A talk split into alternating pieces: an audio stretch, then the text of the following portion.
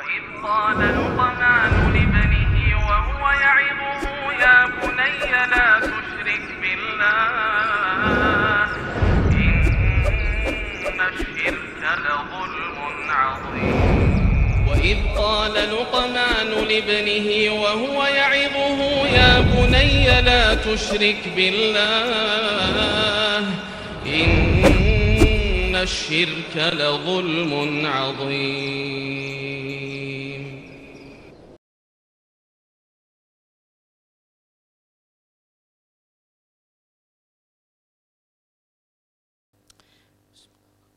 السلام عليكم ورحمة الله وبركاته. إن الحمد لله نحمده ونستعينه ونستغفره ونعوذ بالله من شرور أنفسنا وسيئات أعمالنا. من يهده الله فهو المهتد ومن يضلل فلن تجد له وليا مرشدا. أشهد أن لا إله إلا الله وحده لا شريك له وأشهد أن محمدا عبده ورسوله الذي لا نبي بعده.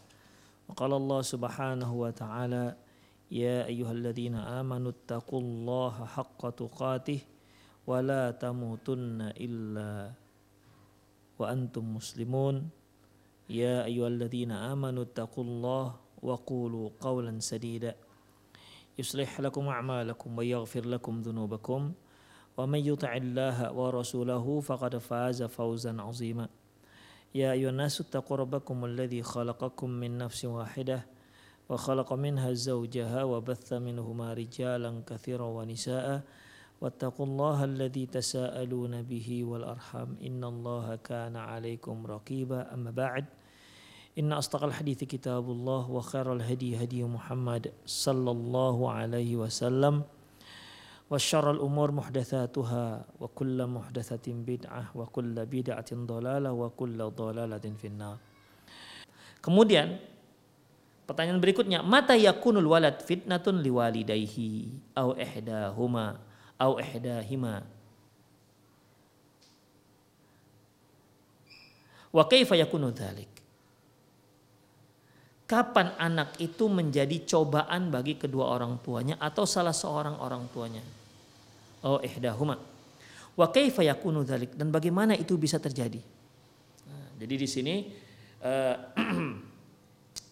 setelah penulis membahas masalah proses ya proses pemilikan anak ya harus dengan cara yang syar'i. Taib, lahirlah anak itu. Lahirlah anak tersebut. Atau anak yang sah tersebut ada dalam rahim ibunya. Taib, kapan si anak ini menjadi fitnah bagi orang tuanya? Menjadi cobaan bagi orang tuanya.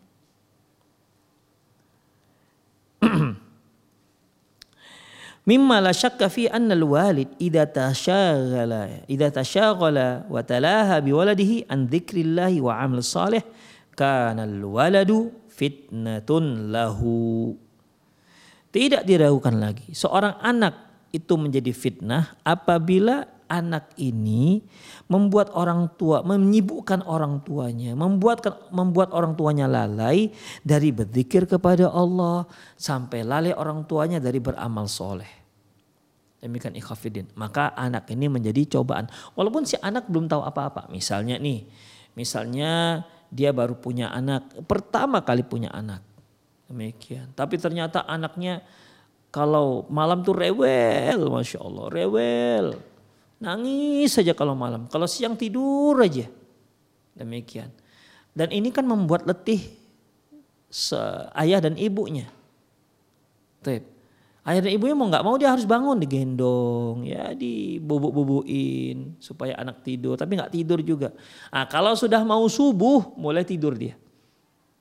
Akhirnya orang tua karena dia baru bisa tidur pas menjelang subuh, orang tua pun akhirnya tidur menjelang subuh. Akhirnya dia tertidur dan terbangun hingga terbangun hingga terbit matahari.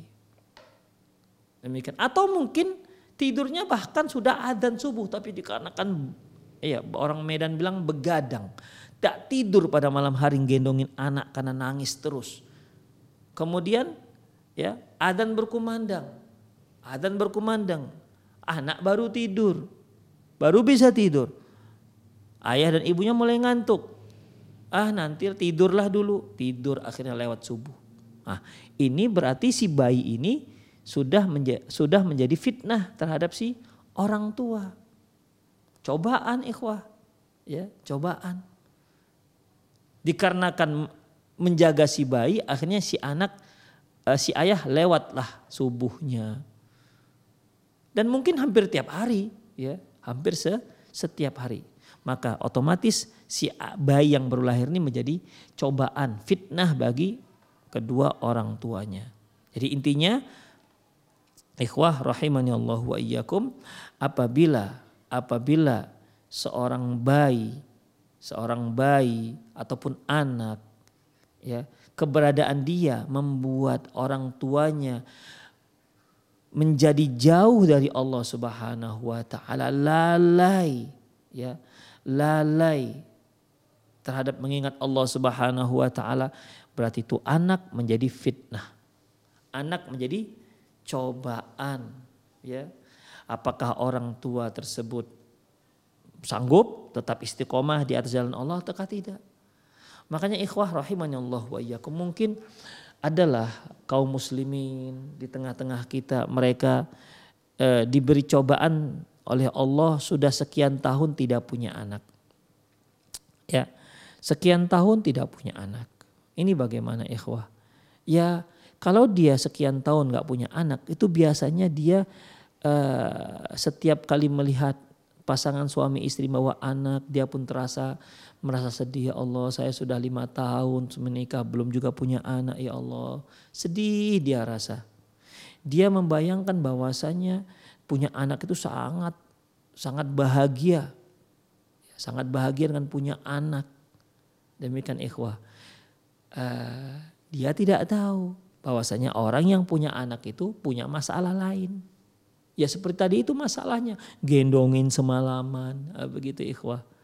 Itulah yang namanya dunia. Sering dunia itu membuat kita nggak bersyukur kepada Allah Subhanahu wa taala. Kita hanya selalu melihat kelebihan orang yang tidak kita lihat ada pada diri kita. Kita lupa dengan banyaknya nikmat yang Allah Subhanahu wa taala berikan kepada kita.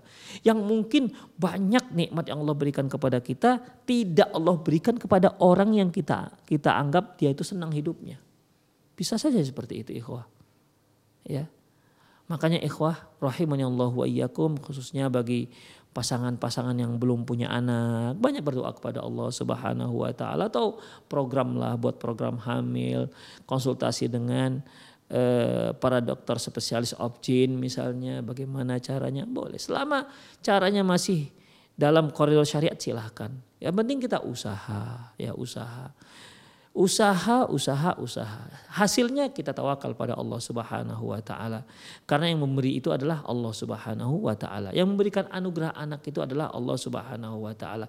Sebagaimana yang mengambil si anak juga Allah Subhanahu wa taala. Bahkan jangan anak, mungkin suami diambil oleh Allah Subhanahu wa taala atau istrinya diambil oleh Allah Subhanahu wa taala. Itu semua milik Allah. Terserah Allah, Allah memberi ataukah Allah tidak memberinya. Insya Allah kalau Allah belum berikan pada anda bayi padahal pernikahan sudah sekian tahun ketahuilah Allah mengetahui apa hikmah di baliknya. Ya, mungkin Allah tahu ini kalau orang ini pasangan ini diberi anak akan membuat dia lalai. Mungkin kalau sudah punya anak nanti nggak ngaji-ngaji. Sangkin sibuknya misalnya atau dia belum sanggup untuk mendidik anaknya. Demikian ikhwafiddin. Atau Allah ingin kedua suami istri ini berdoa terus berdoa ya Allah beri kami anak berdoa berdoa. Itu setiap doa itu adalah sebuah pahala. Karena doa ialah ibadah doa itu adalah ibadah. Allah ingin agar di orang ini berdua ini doa doa doa doa doa. Begitu. Yang doa itu tidak didoa tidak diminta oleh pasangan yang sudah punya anak. Demikian. Berdoa itu saja sebuah ibadah kepada Allah Subhanahu wa taala sebagaimana firman Allah Subhanahu wa taala wa qala rabbukum ud'uni astajib lakum. Allah berkata minta kepadaku. Ya, astajib lakum aku akan aku akan kabulkan permintaanmu. Innal ladzina yastakbiruna an ibadati sayadkhuluna jahannam madakhirin sungguhnya orang-orang yang tidak mau meminta kepadaku berdoa kepadaku akan aku purukkan ke dalam neraka jahanam. Demikian ikhwah rahimanallahu wa iyyakum. Jadi ya ya, yang dikatakan seorang yang anak yang menjadi cobaan bagi orang tua jika keberadaan anak ini membuat orang tua menjadi lalai, malas ibadah, malas beramal soleh. Hal ini ikhwah sebagaimana yang disebutkan Allah Subhanahu wa taala dalam surat Al-Munafiqun ayat 9, ya ayyuhalladzina amanu la tulhikum amwalukum wala auladukum an dzikrillah. Wahai orang-orang yang beriman, janganlah sampai harta kalian, anak-anak kalian melalaikan kalian dari mengingat Allah. Harta, masya Allah. Allah beri dia harta yang melimpah ruah tapi dia bisa lalai dengan hartanya. Dia lalai dengan hartanya. Dia gunakan hartanya hanya untuk berfoya-foya sehingga lupa berbuat baik, lupa terhadap orang tua, lupa berbakti kepada orang tua, bahkan bisa lupa sholat yang tadinya sebelum hartanya melimpah ruah, sebelumnya hartanya pas-pasan, dia masih rajin ke masjid, tapi setelah dia hartanya melimpah ruah, perdagangannya maju, tidak sempat lagi dia melangkahkan kakinya ke masjid. Tidak sempat lagi dia mengunjungi kedua orang tuanya. Padahal orang tuanya lah yang telah membiayakan, membiayai dia sekolah sampai dia sukses. Tapi karena kesibukan yang luar biasa, disibukkan dengan harta, pekerjaan, jabatannya, lupa dengan orang tua Tahun sekali pun tidak sempat untuk bertemu dengan orang tua. Nauzubillah min dzalik. Ini termasuk ya la tulhikum amwalukum wal auladukum an dzikrillah. Jangan sampai harta kalian, anak kalian itu melalaikan kalian dari berzikir kepada Allah Subhanahu wa taala. Hati-hati dengan harta ikhwah, ya. Hati-hati dengan harta. Jadikan harta itu hanya di tangan, jangan di hati. Jadi kalau kita kalau seandainya harta yang kita pegang ini bertentangan dengan syariat, lepas saja tuh harta. Tidak ada rasa sedih kita dalam hati. Tidak ada ragu-ragu kita melepasnya. Kenapa? Karena Allah lebih berharga bagi kita ketimbang harta ini. Itu ikhwat fiddin. Tapi kalau hart, hart, hartanya, cinta harta sudah di hati, naudzubillah min dzalik. Ya. Allah akan jadikan tuh harta dirinya sebagai orang yang senantiasa miskin. Karena apa? Dia tak pernah puas dengan dengan hartanya. La tulhikum amwalukum wala auladukum an dzikrillah. Jangan sampai harta kalian, anak kalian melalaikan kalian dari berzikir kepada Allah Subhanahu wa taala. Bagaimana anak bisa melalaikan? Uh, sangat bisa ikhwah, sangat bisa. Ya, sangat bisa anak itu bisa melalaikan orang tua dari berzikir kepada Allah Subhanahu wa taala. Saking sayangnya dia dengan anaknya, dia uh, dia taati, dia penuhi setiap permintaan anaknya. Itu dia. Padahal dia seorang tua kan harus tahu mana yang boleh dituruti permintaan anak dan mana yang tidak boleh diturutin. Demikian ikhafidin. Ini pokoknya ada orang tua itu kalau anaknya sudah nangis dah diberikan. Mau apa saja diberikan oleh orang tuanya. Tanpa mempedulikan apakah hal itu akan bermudor terhadap si anak ataupun tidak.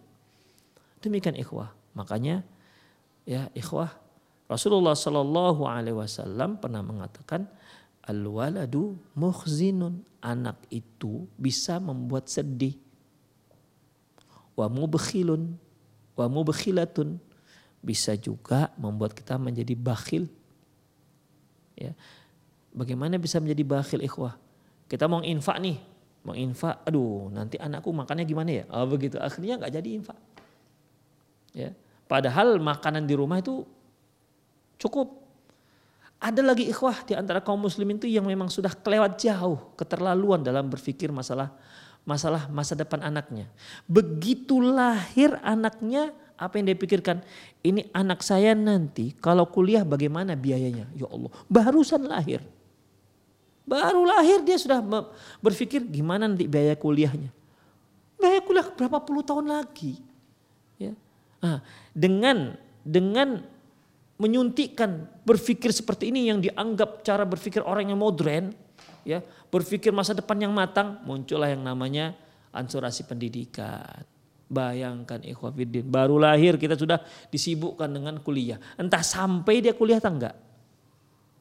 Ya. Siapa yang menjamin dia bisa kuliah? Demikian. Jangan-jangan TK sudah diambil oleh Allah Subhanahu wa taala. Tapi begitulah ikhwah, kelewatan Ya. Akhirnya karena untuk memikirkan nanti dia kalau kuliah, kalau dia SD, kalau dia SMP, SMU, ini biaya bagaimana? Si ayah pun akhirnya wow, kerja siang malam, siang malam, siang malam untuk menumpuk-numpuk hartanya. Untuk apa? Perbekalan si anak nanti belajar.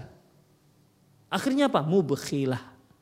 Mubekhilah membuat dia bakhil. Kenapa? Yang dipikirkan nanti kalau anak dia masuk kedokteran, anak dia kalau anak dia nanti mau sekolah ke luar negeri, ini dari mana biayanya?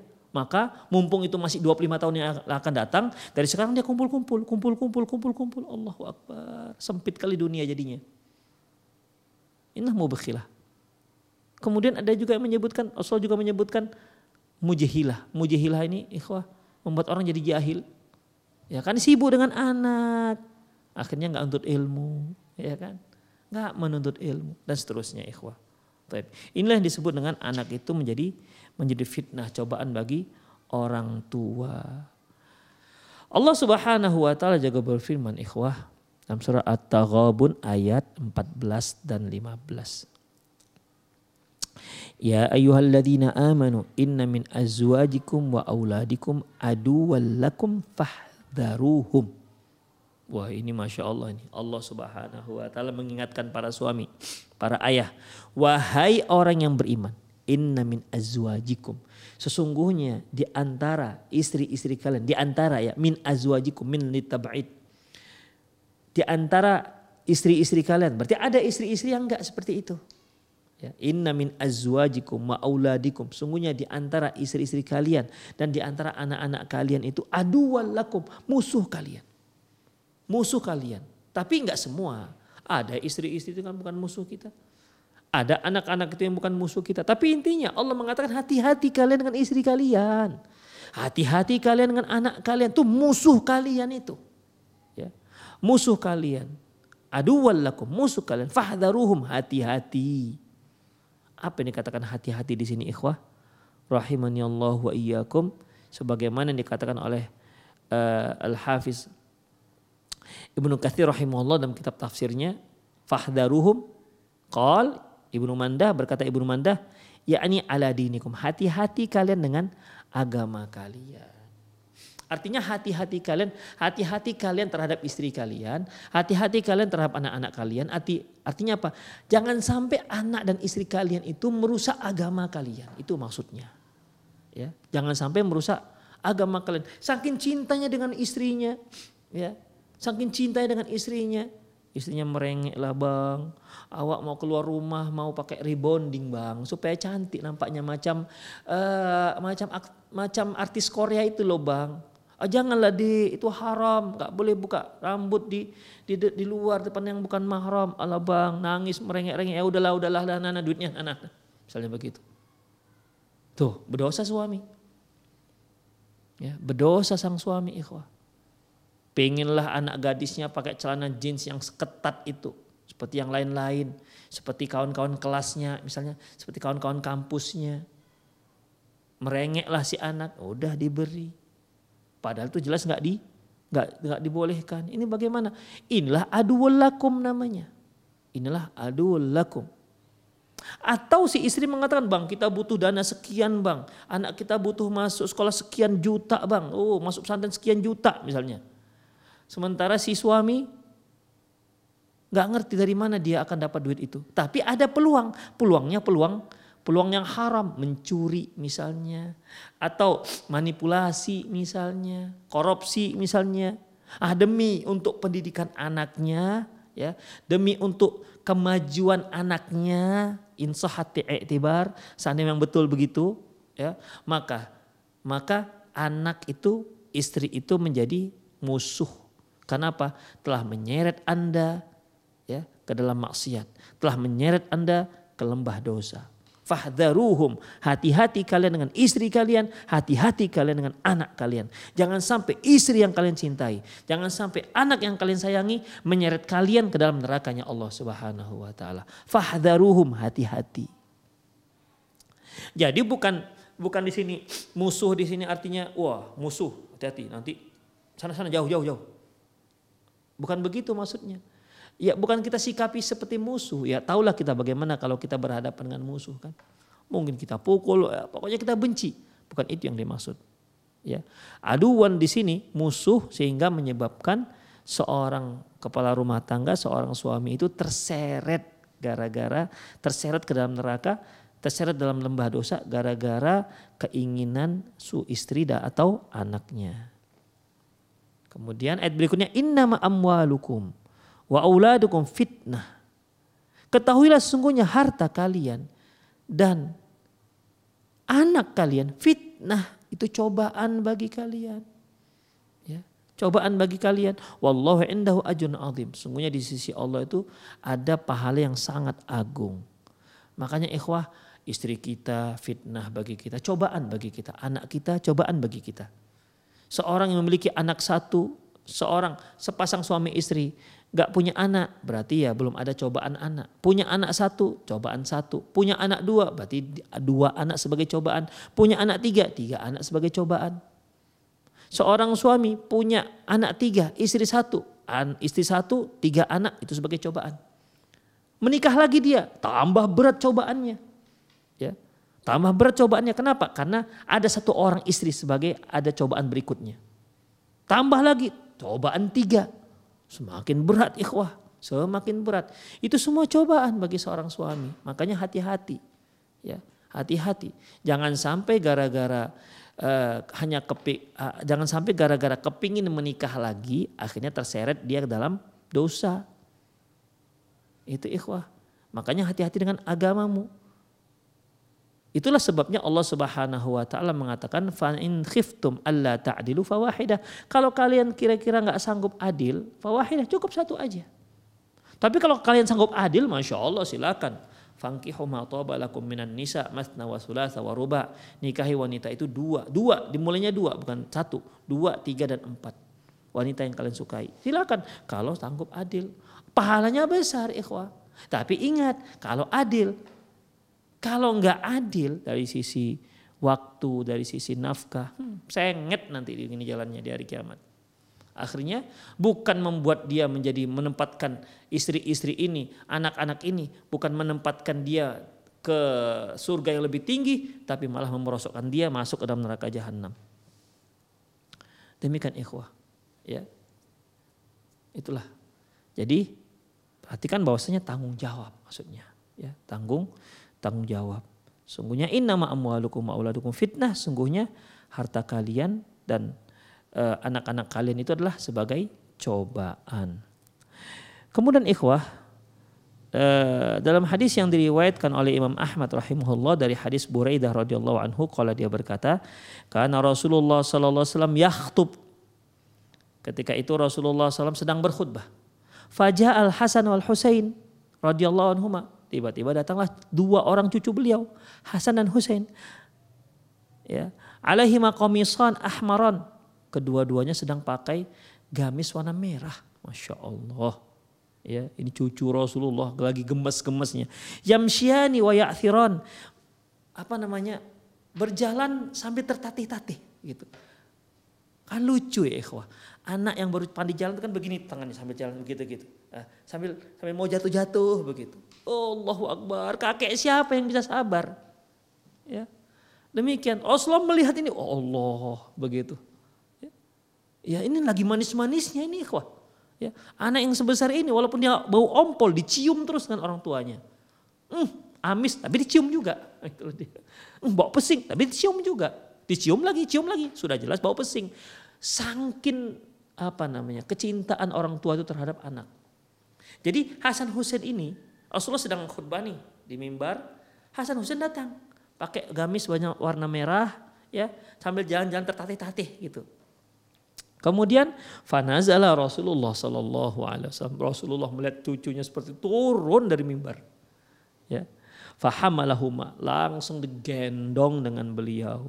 Fawada'ahuma baina yadayhi beliau letakkan di depannya. Summa qala Kemudian apa kata beliau? Sadaqallah wa rasuluh. Benar Allah dan Rasulnya. Innama amwalukum wa auladukum fitnah. Sesungguhnya. Sesungguhnya harta kalian, anak kalian itu fitnah, cobaan.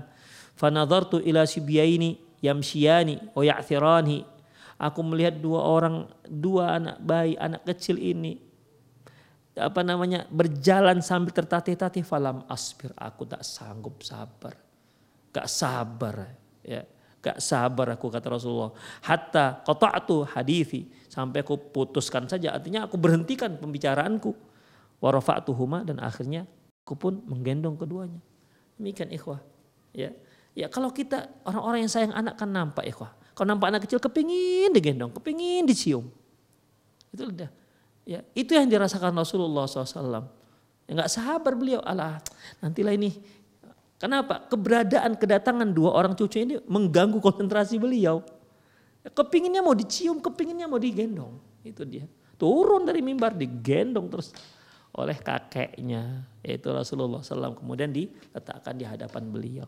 Begitulah ikhwah rahimani Allahu wa iyyakum.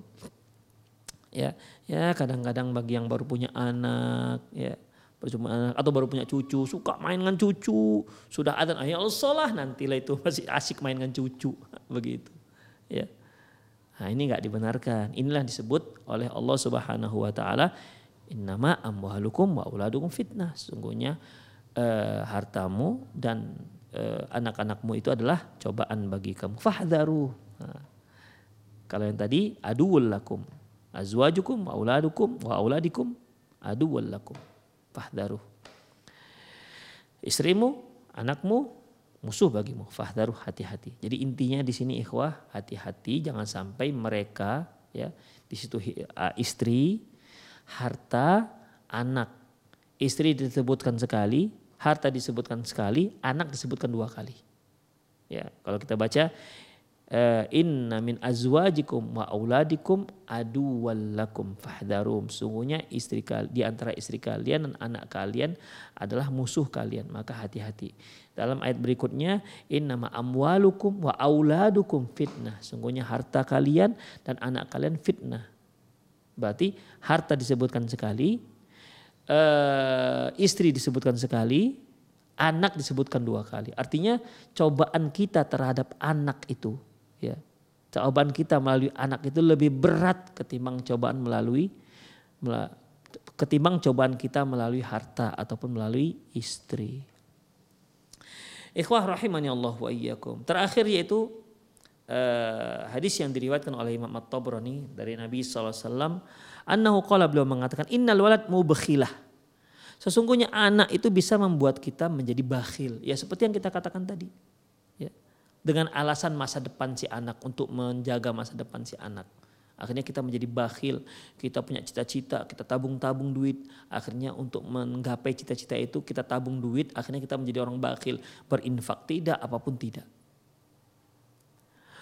Wa mujbinatun, mujbinatun membuat membuat menjadi pengecut. Ya, gara-gara gara-gara anak akhirnya kita punya ngecut. Gak mau jihad, visabilillah, ya kan? Kenapa? Khawatir nanti kalau saya meninggal, tewas jihad tewas dalam peperangan terus anak saya ini gimana gimana? Siapa yang akan berikan nafkah? Nah, begitu. Wa mujihilatun, mujihilatun membuat kita jadi jahil gara-gara anak malas taklim. Ya, malas taklim, malas belajar. Wa muhzinatun dan membuat sedih sering buat sedih. Terutama ibu-ibu itu coba perhatikan, tanyalah ibu-ibu, sering anak-anak mereka membuat mereka sedih dan menitikkan air mata. Demikian ikhwah Allah wa iyyakum. Jadi itulah yang dimaksud dengan uh, bahwasanya anak itu merupakan fitnah cobaan. Cobaan bagi baik ibu maupun ayahnya. Makanya hati-hati jangan sampai anak menyeret kita ke dalam lembah dosa. Jangan sampai gara-gara anak kita akhirnya tidak bisa beramal soleh.